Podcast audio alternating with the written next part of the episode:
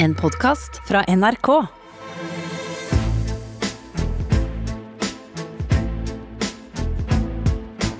Trump mot verden med Gjermund Eriksen og Sean Henrik Matheson. I dag, i dag skal vi snakke om medfølelse og Donald. Ja. Empati og Donald, og tenkte at vi bare går rett på og hører hva Donald svarer når en reporter spør om han føler med de som har mista noen. Eh, Og da tenker jeg vi hører både reporteren og hvordan Donald, la oss si, imøtegår bekymringen. Hør eh, her nå. I interviewed someone who said that his family got sick. They went to a funeral um, in mid March. And they said mainly because the president wasn't taking it seriously. He said, if, I, if the president had had a mask on, if he was saying we should stay home, then I would have stayed home. Well, I Instead, know, I, have I- I family members. I'm just. I wanna, the, the, he said his family members were sick, and because they were, but they were listening to you. And do you feel like, or are you concerned that downplaying the virus maybe got some people sick? And a lot of people love Trump, right? A lot of people love me, see him all the time, right? I guess I'm here for a reason, you know? To the best of my knowledge, I won. And I think we're going to win again. I think we're going to win in a landslide. det får han si! Oh, ok. Velkommen til Trump mot verden. Jeg heter eh, Sean Henrik Matheson. Vi er eh, stadig tapre hjemmekontorarbeidere Gjermund Eriksen eh, og jeg. Eller skal jeg si Gjermund Uriksen? Oh! Gadish, gadish, gadish. Det er ordspill på høyt nivå. Ja, var på Urix. Stor eh, stolthet i familien Eriksen. Tante Bjørg Ja. ringte ikke denne gangen. Litt slapt av henne, men det får gå. Ja, det, hun pleier å ringe når hun er på Urix. eh, Ok, jeg har vært der én gang før, og Bjørg har ringt én gang. Så det, vi, må, vi går videre. Hvordan er det i heimen? Ja, og heimen er i ferd med å, å roe seg nå. Eh, To barn i barnehagen fra i går, og eh, på mandag så begynner eldstemann på skolen igjen. Det tror jeg er bra for he hele gjengen, både voksne og barn. Eh, begynner å gå litt lei av hverandre, for å si det rett ut. Eh, og så får vi håpe da at det er en eh, riktig avgjørelse å, å åpne barnehager og skoler sånn eh, generelt sett. Eh, ja, men det, her går det fint, altså. Det, skal, det roer seg ned nå, Gjermund. Eh, takk for at du spør, forresten. eh, Koselig. Det er fredag formiddag, det er den 24. april, dag 1190 av hans presidentskap. Taper han det 270 dager igjen. Og Gjermund, eh, det skal altså handle om empati i dag. Ja, ord for dagen. Og for alle dager, egentlig. Men det er et veldig viktig ord, både i drama og politikk. Medfølelse. Medfølelse. Altså det at vi føler med noe som er noe annet enn sympati. Nemlig at vi liker noen. Eh, veldig stort og viktig skille, både i politikk og drama. Det er flere grunner til det. Det er svært viktig for interessen vår, for vår oppmerksomhet. Det er for innlevelsen, hva vi velger at vi uh, syns er viktig, hva vi føler er viktig, hva vi husker, hva som er viktig for minnet, hva som er viktig for motivasjon. At vi mobiliserer krefter for noen og mot noen. Det er både viktig når vi skal følge med noe på TV i en serie, men også for politikere at du skal engasjere deg emosjonelt. Og da er det flere teknikker som brukes for at vi skal identifisere oss med La oss si ikke alltid bare da personer som umiddelbart er godt likt. Og da er vi over på store antagonister. Og den er kanskje en av de største, jeg skal ikke si den største, men det er en av de største antagonistene jeg veit om i TV-seriehistorien, eh, er fra Deadwood. Al Schweringen. Det er jo en serie jeg har sett, men som jeg ennå ikke har klart å mase nok på deg, eh, Sean, til at du ser. Nei, det er, helt riktig. Jeg bare syns den er litt mørk. Men det, nå er det mange år siden vi, vi prøvde oss på den. Eh, Tikke var gravid, eh, kona mi altså. Så det kan godt hende at eh, vi var i en, et sted i livet der ikke den passa. Så den står på lista, altså. Jeg lover deg. Ja, Men uansett, det er en av verdens største serieskapere som har skapt den, og der bruker han noen teknikker for å skape identifikasjon for oss mot en av de, eh, la oss si, ikke av de beste menneskene i byen. Uh, la oss si at han uh, er eh, til Når du går inn i serien, så er det litt mørkt. Han dreper noen uh, horer, han dreper noen skurker, og han dreper noen ålreite mennesker. Men etter hvert så blir han da likevel en magnet for oss som seere. Så kan vi godt bare høre her et lite utdrag av hvordan Schweringen høres ut når han gir en liten innsikt i livet til en kollega som han nettopp har Ikke kollega, men en han trenger til å jobbe for seg, som han nettopp har slått i ansiktet. You ever been beaten, Merrick? Once, when I thought I had the smallpox, Doc Cochran slapped me in the face. Stop it, Al. Are you dead? Well, I'm in pain, but no, I'm obviously not dead. But obviously you didn't fucking die when the doc slapped you. No. So, including last night, that's three fucking damage incidents that didn't kill you. Pain or damage don't end the world. Or despair. Or fucking beatings. The world ends when you're dead. Until then, you got more punishment in store. Stand it like a man.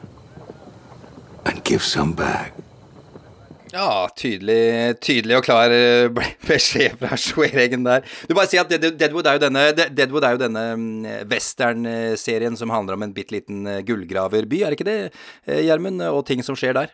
Ja, i hvordan denne byen skal etableres og vokses opp til å bli en sivilisasjon. Så det er en metafor på USAs oppvekst, og hvordan kosmos oppstår fra kaos, hvis jeg skal bruke litt svære Altså de største orda, da. Wow, ja, men det er eh, Det er på min topp fem-liste av de beste seriene gjennom verdenshistorien. Uansett, for å få oss til å like Schweringen, så bruker han flere teknikker. Det ene, den første og mest naturlige, er jo at han starter med en som en lavklassebartender, virker det som, som snakker vårt språk, og er høflig og tydelig, før han går og dreper noen, så allerede der er vi hooka. Vi får en liten sånn reise fra Oi, er ikke han hyggelig? Oi, oi, oi, så skummel han er. Og så gjør han en del slemme ting. Men så har vi en salooneier på bortsiden som konkurrerer med en, og han dreper barn. Og da virker ikke Al Altså, det er jo ikke Al, og Al blir provosert av det. det er rett og slett for gærent. Så han hele tiden jobber med noe som er verre enn. Og Det er en av de empatiteknikkene som man ofte bruker for å markere store antagonister, er å gi dem formildende trekk. At det finnes verre. Hvis man husker på 'Silence of the Lambs', når uh, etterforskeren, uh, spilt av Jodie Foster, går og skal treffe Hannibal Lecter første gangen, så går hun forbi utrolig mange ekle celler. Hvor det er ja. forferdelig uh, grusomme seriemordere som spyr og spytter og roper heslige ting. Og så kommer du til dem et sted hvor høflige Anthony Hopkins står, veloppdratt og fin, og snakker respektfullt til henne. Da får du denne lille knekken innover. Eh, og det som er viktig å vite når det handler om empati og for antagonister i serier, eventuelt politikere du misliker, sånn som folk skal henge med på metaforen her Det er ikke en metafor, det er egentlig en viktig del av strategi. Mm. Vi er, altså, når du snakker om empati for de som er solid på minussida, så måles eh, vekst i empati i millimeter, men de teller mye mer. Det at du føler litt mer for en du som i utgangspunktet forbinder med å være ond, så gjør det emosjonelt ekstremt stort inntrykk på oss. Så disse små formildende dråpene de har stor effekt på oss som seere, men det har også stor effekt innen politikken. Og det er en av de gambling-effektene som Donald satser på, er å hele tiden være mm, Ja, det må være mulig å hevde etter tre år nå. Gå innimellom. Maksimalt rasshøl. Og så mm. gjøre noe hyggelig, og da Oi, nå tøver vi opp litt. Rann. Det er veldig stilig å se på en ulv som slikker en kanin og lar kaninen gå opp, selv om han stort sett alltid spiser kanin og lar kaninen slippe unna. Og sånn jobber Donald også, med empati, og på et par andre måter. Men uh, empati er også ord for dagen, og så skal vi se om um, hvordan, det seg, hvordan, det egentlig står seg. Ja, men det gleder jeg meg til å høre om og, og snakke om i dag, eh, Gjermund. Vi har jo satt tema allerede. Vi skal snakke om The Incredible Task Force. Ja, det er uh, nok en uke der det har vært daglig pressekonferanse i alt fra én time til altfor lenge. Nå vil mange si at én time var altfor lenge in the first place, men ikke The Incredible, The Incredible Task Force. Eh, forrige uke så snakka vi om incumbency strategy, altså den strategien en sittende president bruker for å bli eh, gjenvalgt. Incumbent er jo beskrivelsen på en person som sitter i, i posisjon. Erna er incumbent her hjemme. I dag skal vi snakke litt om, eh, om de gangene en incumbent taper presidentvalget, Gjermund. Et par ting vi nevner, Gjermund, men ikke bruker så mye tid på. Warren er vel mer eller mindre ute av visepresidentdebatten. Ja, denne uka så ble det ganske tydelig at uh, senatsleder for Demokratene, Schumer, ikke tør å la uh, Elizabeth Warren være en del av diskusjonen. For hvis hun blir valgt som visepresident, så vil guvernøren i hjemstaten hennes ha muligheten til å oppnevne senatoren som skal sitte i hennes sete. Og det bli, vil jo da bli oppnevnt en republikaner i det setet, for guvernøren er republikaner. Eh, det er for jevnt i senatskapen. Eh, det kan jo Warren-tilhengere synes er trist og dumt, eh, men det kommer også fram denne uka her at Senatet virker for første gang mulig for demokratene å vinne. Sier ikke at de vinner, men det virker lysere enn på lenge. Ja, men jeg skjønner jo at Chuck Schumer setter seg litt på bakbeina der. Ikke noe vits i å ta sjansen på det, kanskje. Vi skal heller ikke snakke så mye om eh, VA, Veterans Affairs, og chloroquine. Altså, vi husker jo da Trump lanserte malariamedisin mot uh, korona. En game changer, som han sa. Ja, hvorfor ikke? Why, what do they have to lose? Eh, livet sitt, eh, kan det virke som. En rapport fra Veterans Affairs, altså veteraner fra de militære styrkene, viser at det muligens er livsfarlig å bruke disse medisinene, Gjermund. Ja, og det er jo uflaks, for han eide jo tydeligvis litt aksjer i dette chloroquine-fenomenet. For, for, å gjøre det ekstra ukledelig.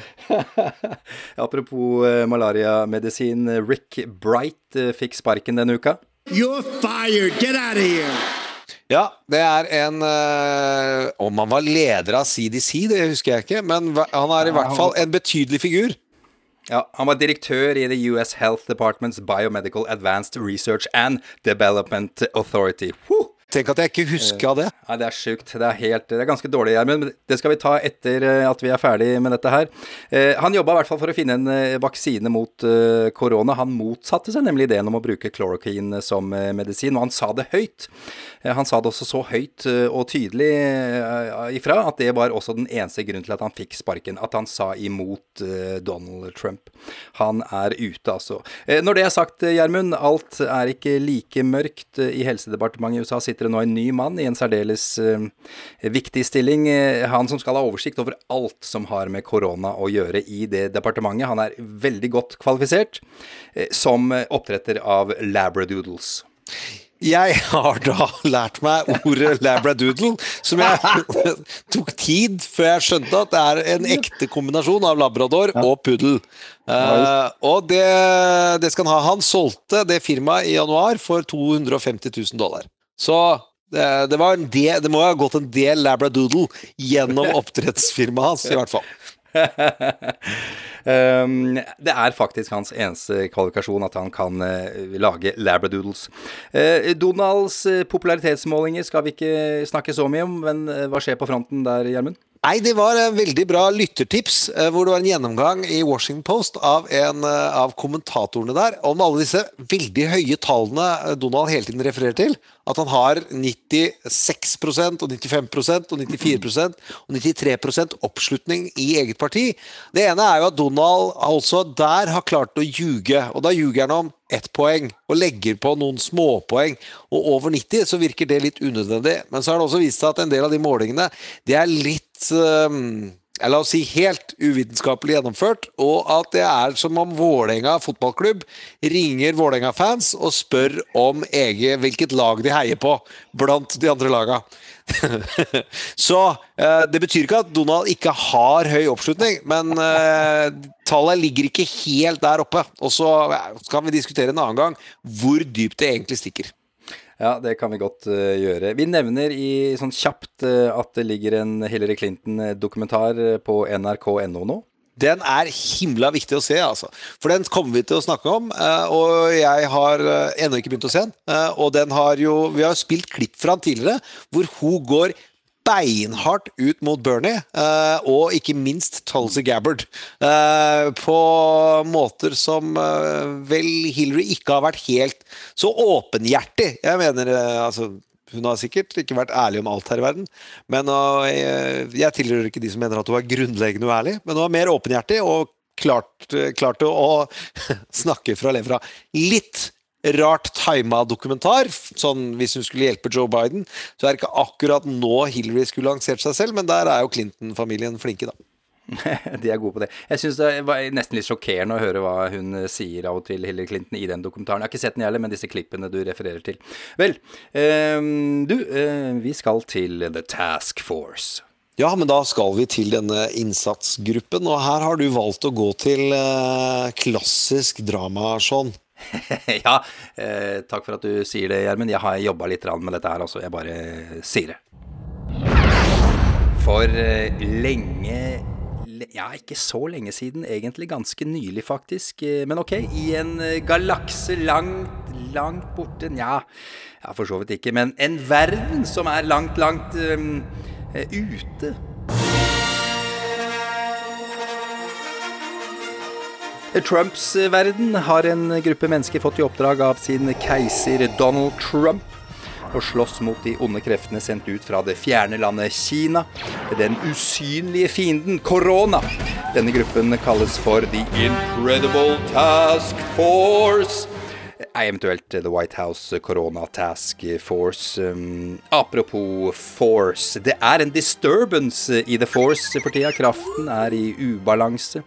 Uh, The Incredible Task Force er ikke alltid enig med sin keiser. Eh, men så er ikke keiseren alltid enig med seg selv hele tiden heller, og at det oppstår forvirring da, er kanskje ikke så rart. Forvirring, forresten. Eh, de andre medlemmene av denne taskforcen, bortsett ifra lederen selvfølgelig, visekeiser Mike Pence, eh, gjør det han kan best, å folde hendene sine og be til Gud om at koronainvasjonen skal mislykkes. De andre, og mer kvalifiserte medlemmene, er vel stort sett enige om at det er hos en keiser forvirringens kraft er sterkest helst. Eh, og de bryr seg mindre og mindre om hva han eh, sier, og fortsetter tappert å formidle sine faglige og kvalifiserte råd til befolkningen. Til den nakne keiserens store frustrasjon. Sa jeg at han var naken? Sorry! Eh, det glemte jeg, men det visste du sikkert. Det vet i hvert fall du, Gjermund.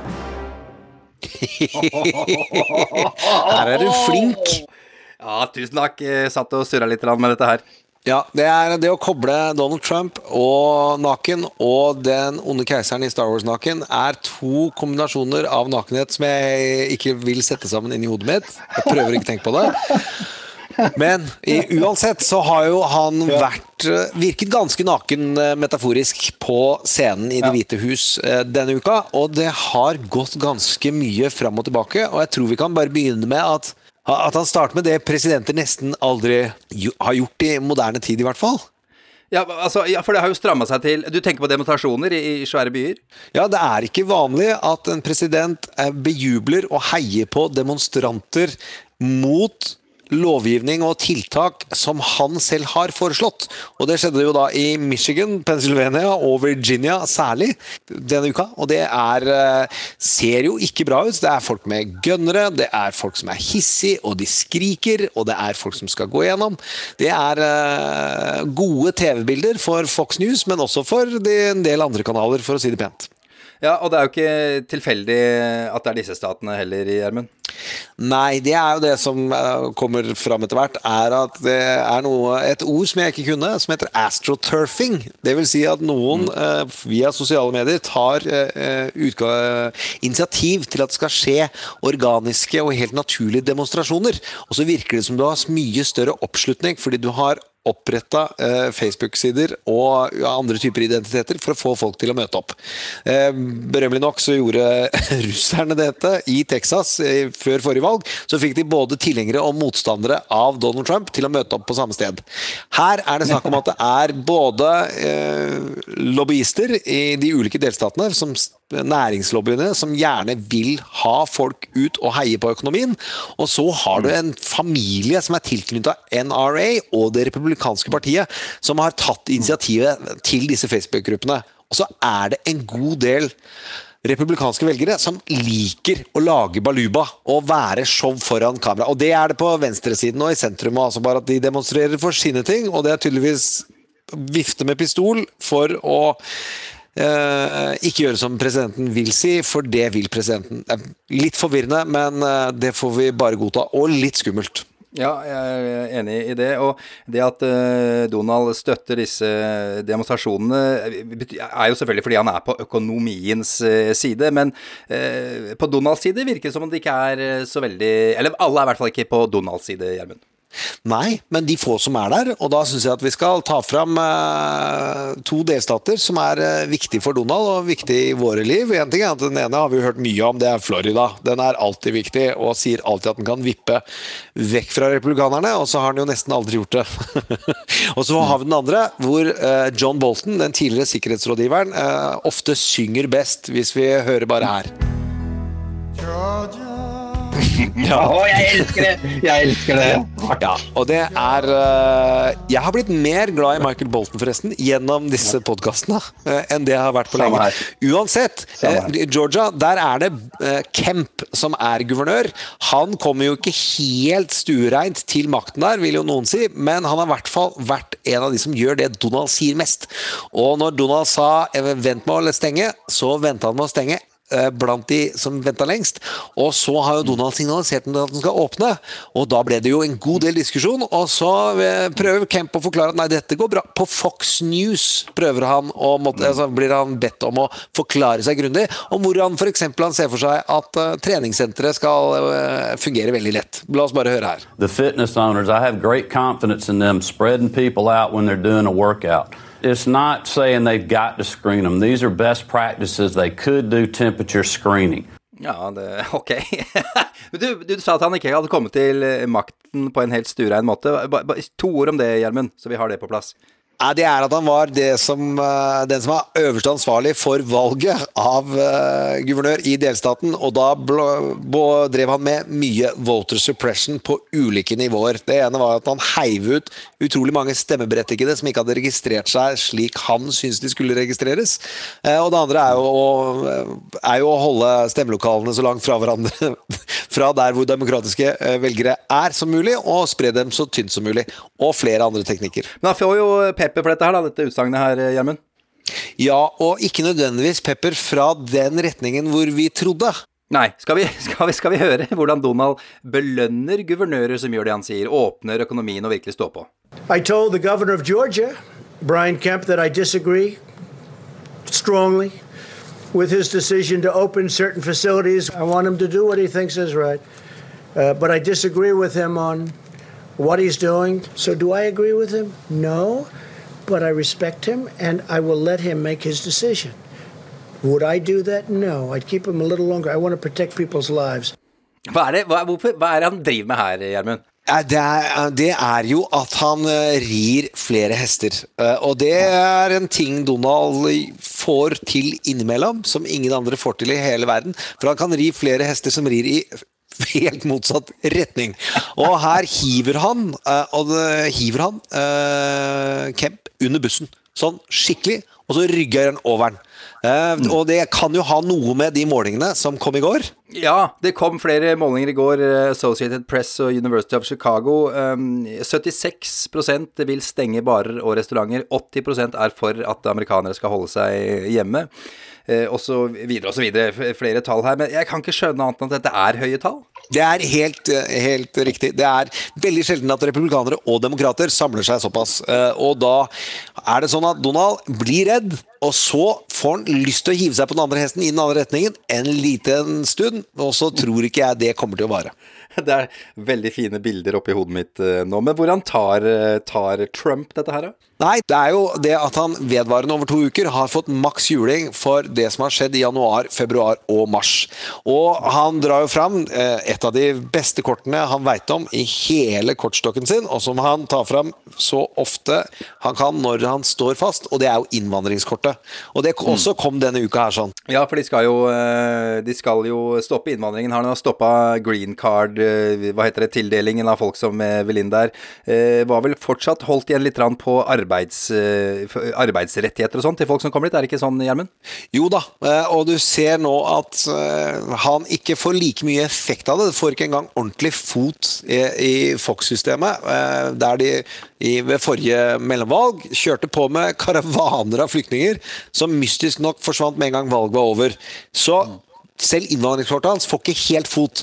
Og det er der du tenkte at nå må han jo begynne å gå i en annen retning. Han kan ikke drive med å selge håp, og han kan ikke drive og ljuge om medisiner, men det er vel ikke det, det som helt har skjedd siste døgn?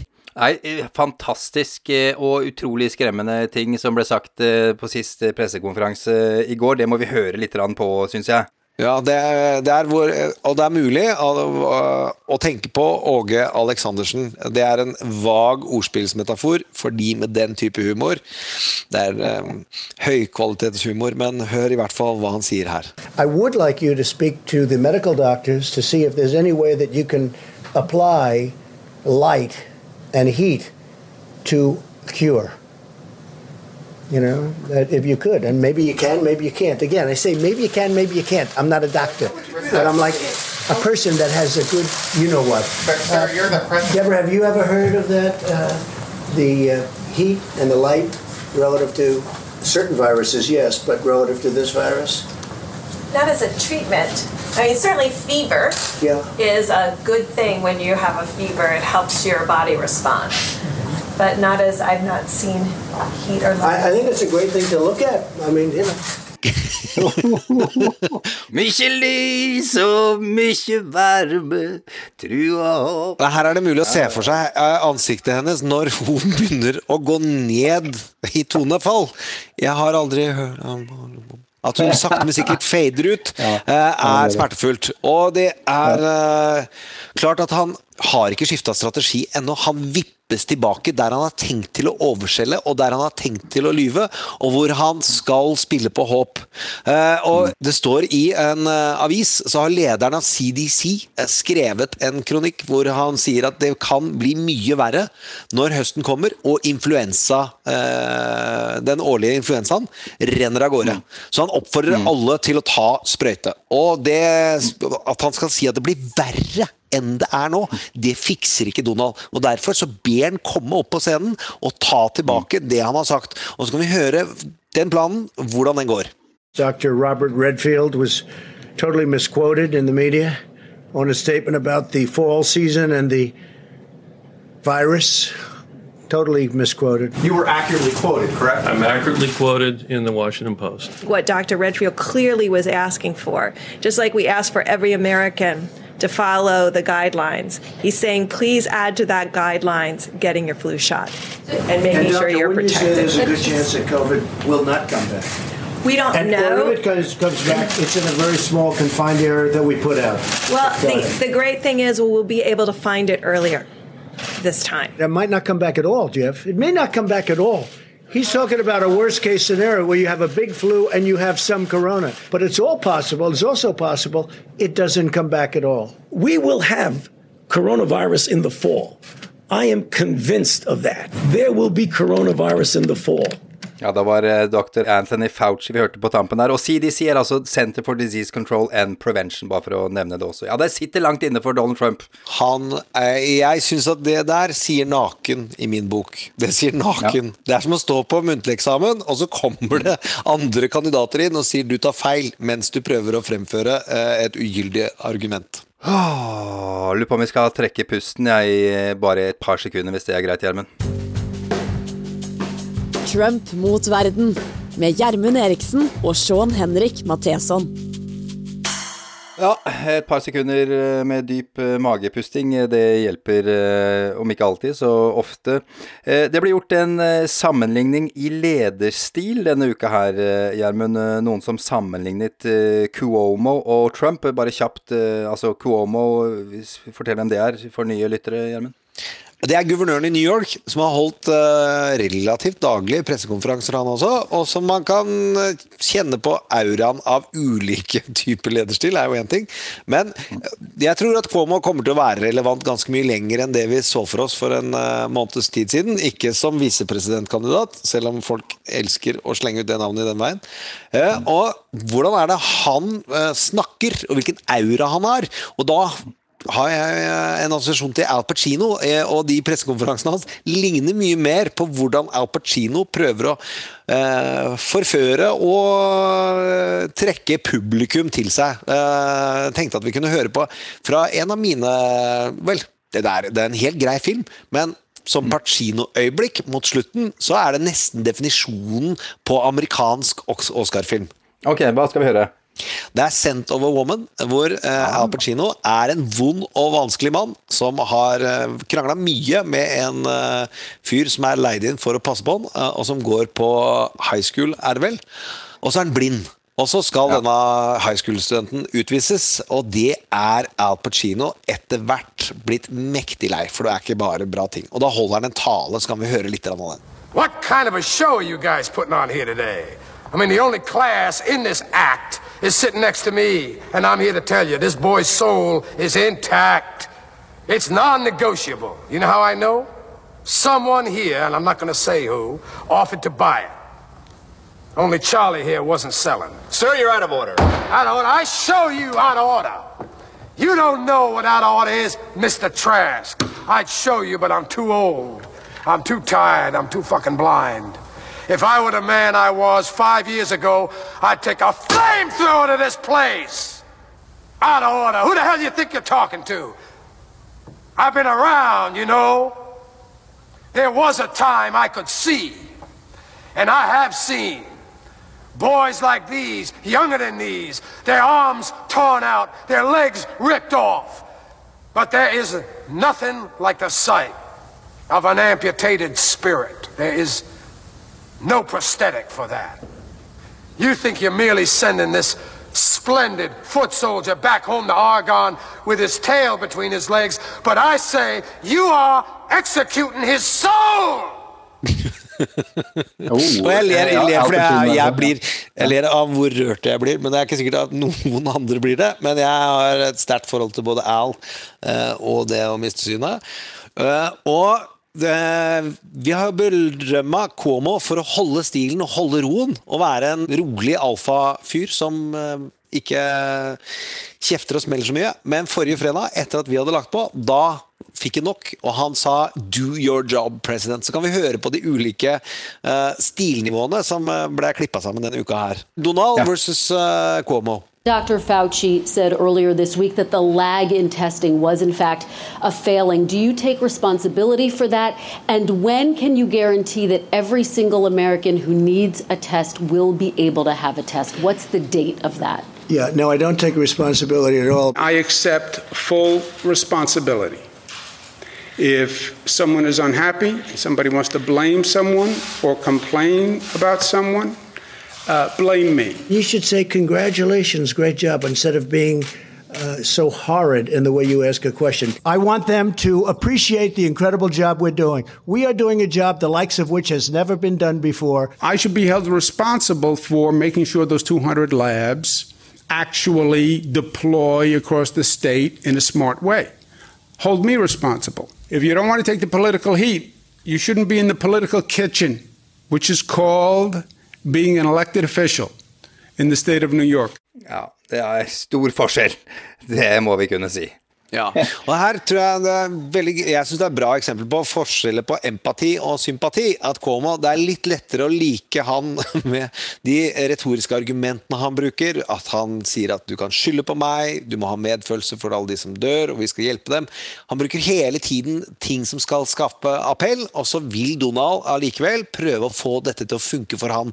Og at vi allikevel skal få en opptikk i empati for han når det nærmer seg november. Han kommer til å prøve å lekke oss i, lokke oss i en type dramafelle. Ja, eh, dramafelle. Eh, hvordan da? Nei, Det er jo for nettopp få til den type stemningsendring, så kan han sette opp type konflikter hvor han er eh, maksimalt i mindretall på den ene siden, eller innimellom også helt alene. Hvis vi husker tilbake i eh, presidentvalgkampen, tidlig når eh, Donald begynte å stille, så var det jo 40 andre republikanere, vel respekterte republikanere, som stilte imot den. Og de hadde TV-debatter, og alle skulle skrive under i det republikanske partiet om at de skulle stille som kandidat for det republikanske partiet. For en independent fra dem ville knekke dem, var de redd for. Og da nekta Donald å skrive under. Og nekta for å utelukke. Og fikk alle til å begynne å mase. Du er nødt til å stille for eh, oss, du er nødt til å gjøre det. Alle må skrive under. Den som skal være med, den må stille seg bak den som blir leder. Og så fikk han maksimal oppmerksomhet og mye utskjelling. Så skrev han under, og så fikk han jo da alle de andre, hadde jo allerede skrevet under, til å måtte godta alt han gjorde når han kom i ledelsen. Eh, og den type dramafelle, å få alt til å gå imot den i lang tid, sånn som det skal vippe opp andre veien, det er det han prøver på med å sette økonomi og helse opp mot hverandre. Ja, men, eh, ok, så, men hvordan ligner det på det som skjer nå, da, hvis, du kan forklare det? Jo, nå går det jo maksimalt eh, Bortsett fra at han innimellom sklir ut og later som han tar hensyn, så går det maksimalt inn på økonomiens side. Og så gambler han på at når vi nærmer oss november, så er det så mange som har dødd det er helt sikkert. Og det er veldig mange som er syke fortsatt. Det kan også være sikkert. Men det er mange, mange mange flere som merker de økonomiske konsekvensene.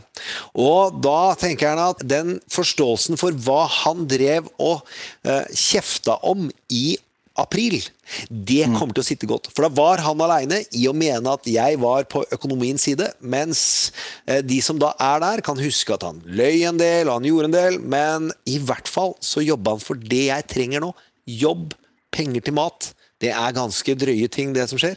Det er det han ønsker å få til. En liten optikk, eh, sånn målt opp mot hva slags person han er, sett mot Cuomo, men fra et veldig dårlig utgangspunkt. Det er nok til at han satser på at han kan vinne valget.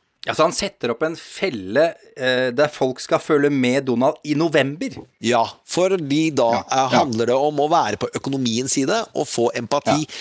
For at du slåss for det som rammer deg mest. Og økonomien kommer til å ramme flere enn koronaen har rammet. Eh, oppi hodet til hver, hver enkelt er det Donald satser på. Og da er vi ved en av de største dramavirkemidlene som fins i hele verden, som vi ikke skal snakke om i dag. Men vi skal bare så tanken om de to ordene. At det er forskjell på hva du want og hva du need. Og der er det sånn at Donald bruker faktisk en sang på sine valgkamparrangementer, som er Rolling Stones eh, beleste versjon av den. Hvis vi bare skal høre på eh, hva som er hans valgkampsang. Han vet at ikke alle liker han, ikke alle vil ha Donald, men du trenger han. Hør på sangen, og så skal vi snakke litt mer om andre ting. You can't always get what you want. You can't always get what you want. You can't always get what you want. But if you try sometimes you might find you get what you need.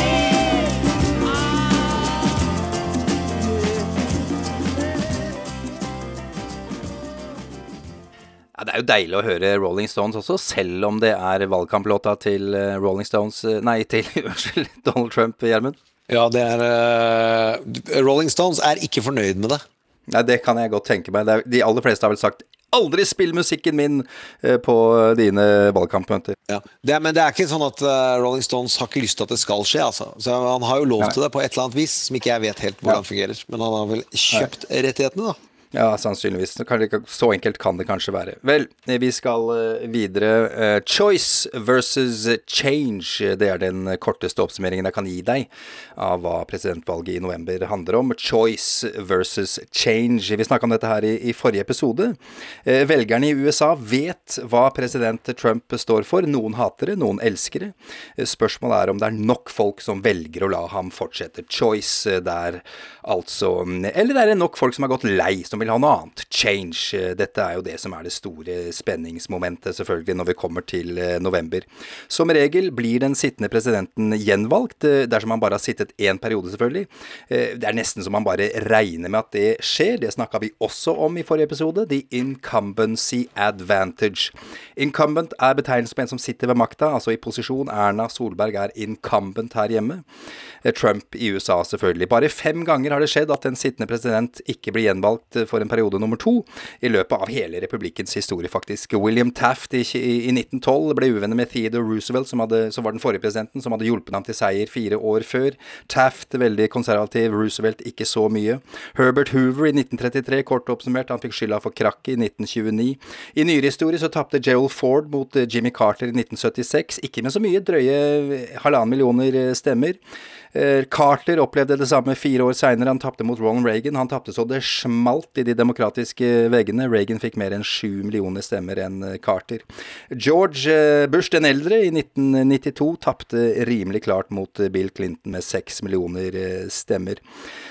Og Gjermund, hva det som kjennetegner disse one term presidents?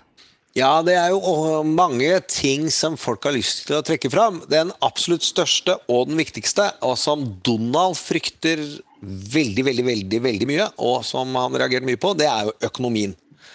Ja. Det er jo det kortet han har hatt, som uh, har vært talt til hans fordel. Uh, den har uh, vokst hele tiden siden Obama tok over resesjonen og prøvde å få det til å svinge igjen i USA. Det har gått oppover hele veien, og det er den han har satsa på at skulle funke.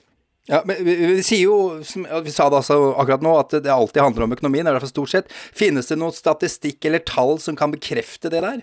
Det er veldig mange som driver med predaksjonsmodeller, og det er jo litt lettere når man gjør det historisk. I hvert fall uh, uvitenskapelig, nemlig at man lager en sjekkliste. At uh, var det imot, var det for, var det, uh, var det imot, var det for. men de som har regna ordentlig på det du har av velgerundersøkelser og store sosioøkonomiske dataer, så er, eh, har Ezra Klein snakka om at det finnes ikke et valg hvor ikke økonomien egentlig forklarer eh, hvordan den sittende presidenten tapte. Eh, og at det alltid var den store, dominerende uh, saken. Og det gjør jo at man kan lure på hvor, hvor lett Donald har det når november kommer. Ja, Ezra Klein, mann bak nettstedet Vox, som jeg anbefaler alle å, å sjekke ut. Eh, men vet vi noe om hvordan økonomien vil være i november? Altså, det kom jo melding i går at nå er det 26 millioner nye arbeidsløse. Oljeprisen har jo gått i dass, eh, litt opp igjen riktignok, men, men vet vi noe om hvordan det kan se ut da? Det er ingen som ikke tror at vi er inne i en stor, tung resesjon, og at den er verre Ingen er et veldig stort ord, men det er ingen jeg har hørt om som ikke mener at det kommer til å være en stor, tung resesjon som er verre enn det Obama tok over i 2008, eh, og at man er på full fart nedover mot depresjon, som vi har sagt tidligere. Eh, og en unfun fact som eh, dessverre har lært de siste ukene, er at 14% av amerikanske befolkning er avhengig av å få utdelt mat. Og de regner med at det er oppe i 30% som da må stelle seg i kø for å få mat hver dag. Det kommer til å se ganske se og oppleves ganske trist ut. Eh, og Donald har da ikke så mye å vise til lenger på økonomisk Men, vekstsiden, i hvert fall. Men sa du nå at 30% av alle amerikanere trenger å få utdelt mat? Nei, det var noen som sa de tallene. Det var litt dårlig av meg å bare slenge ut, men eh, det var ikke et useriøst menneske. Eh, det er 14 Nei. som får mat utdelt. Uh, i en eller annen forstand, og at det tallet kan gå opp til 30% nå som ledigheten har vokst med 26 millioner på fem uker. 26 ja. millioner mennesker har blitt arbeidsledige, og det er de registrerte tallene. Eh, og som eh, ble nevnt på Urix på onsdag, er, av Tove Bjørgaas, er antall okay. de, de, har, de, fleste amerikanere har ikke penger til å dekke en uforutsett utgift på 4000 kroner i neste måned. Det er, det er ekstremt mye trangere for det store flertallet av amerikanere enn det nordmenn flest har. Eh, og det er eh, den desperasjonen. Det er det Donald har å slåss imot. Ja, Det er helt eh, ville tall der. Hvilke, ja, er det noen andre faktorer du vil trekke frem? Er jo helt, helt raskt så kan jeg si at det, Ofte så blir det i ettertiden framstilt at det er store beslutninger som de har gjort som gikk galt. Eh, Der hvor eh, Bush eh, hadde jo denne med han en Read my lips, no more taxes. Altså Han lovte at det aldri skulle bli skatteøkning. Så kom økonomien, eh, og siden eh, Bush den eldre var en ansvarlig mann, han måtte ha inntektene. Vel, Det ble i ettertid tolket som at det er en av grunnene til at, han tapte. Og det er eh, godt mulig. Carter hadde jo da flyk, eh, gisselskandalen, hvor han satset alt på at han skulle redde ut gisler, og så var det mange som døde, og det også ble brukt veldig mot den. Den siste komponenten er at det ofte er uro i, eh, i landet. Altså, Bush had, tok over en økonomi der det var ustabilt. Det var ikke pent, den konflikten USA hadde med Iran. Og man var frykta da for at man skulle bli dratt inn i en krig etter Vietnamkrigen. Og de syns Carter ikke var en sterk leder i den konflikten. Han reddet gislene, og de kunne feires feires eh, som om en eh, stor militær leder hadde gjort det, slik Obama fikk feire sin Osama, så vet man jo aldri hvordan det ville gått. Men Reagan var en usedvanlig eh, god kommunikator, eh, og satt jo klokkereint i åtte år, slik eh, Obama gjorde. Ja, akkurat. Gisselkrisen du snakker om var vel i Iran i 1979, så vidt jeg husker. Eh, ok, går han å bli lei Donald Trump? og Det er jo kanskje spørsmålet nå. Går han å bli lei ham? Det er jo det vår podkast hviler på at man dessverre ikke blir. eh, Men også fordi han får fram såpass mye interessant om amerikansk politikk og drama. Men det at amerikanerne ønsker å leve i det konfliktnivået og det lydnivået som er nå, det er jo det som er eh, David Axelrod sitt store poeng. At folk er slitne. Folk er utmatta, og at de vil søke seg mot trygghet. Og at trygghet nå både handler om lydnivået til Donald, hvor mye konflikt og hvor lite samhandling man skal få til gjennom denne krisen, og økonomien. Så sier ikke vi, og vi sier det virkelig ikke, at eh, det er sikkert at Donald taper. Det er virkelig ikke sikkert at han vinner heller. Det er derfor dette er spennende. Ja, det er eh, superspennende, selvfølgelig. David Axelrod, som du nevnte i forbifarten, er, var eh, hovedstrategen, eller i hvert fall en av strategene til eh, Barack Obama da han var president. Trump mot verden med Gjermund Eriksen og Sean Henrik Matheson. Vi er eh, Ja, vi nærmer oss slutten for uh, ukas episode av Trump mot uh, verden. Men Gjermund, du har sittet i din kjellerstue på ski og, og klekket ut en ny konkurranse. Greit. Eh, Vi har eh, tenkt at vi skal ha en liten konkurranse om framtiden. Og tenkte at man skal prøve å spekulere i noe som er veldig viktig for Donald, og ganske interessant for oss neste fredag, nemlig Hvem har skylda? Og da har jeg fått eh, hjelp til å lage en kort Ja, lage en Ja, kort jingle eh, som eh, fikk sunget inn av her i stua av John Legend. Så bare hør her. Let's play the blame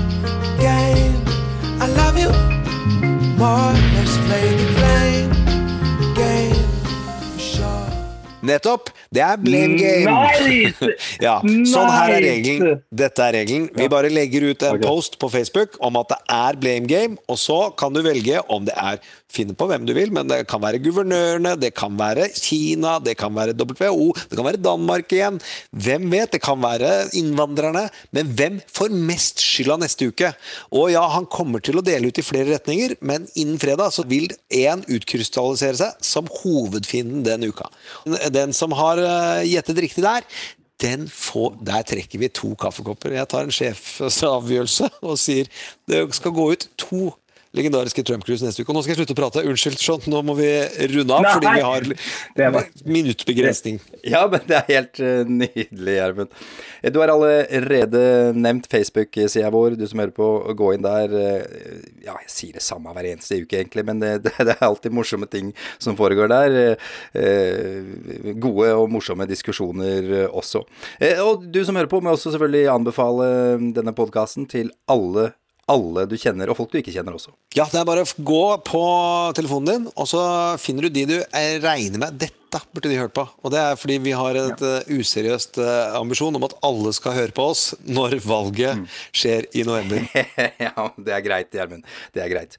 Uh, Silje Martinsen Vetter har hatt en eh, velfortjent eh, ferieuke. Super-Silje. Men det er altså supervikar Guro Mjeltevik Halvorsen som har holdt oss i øra denne fredagen her.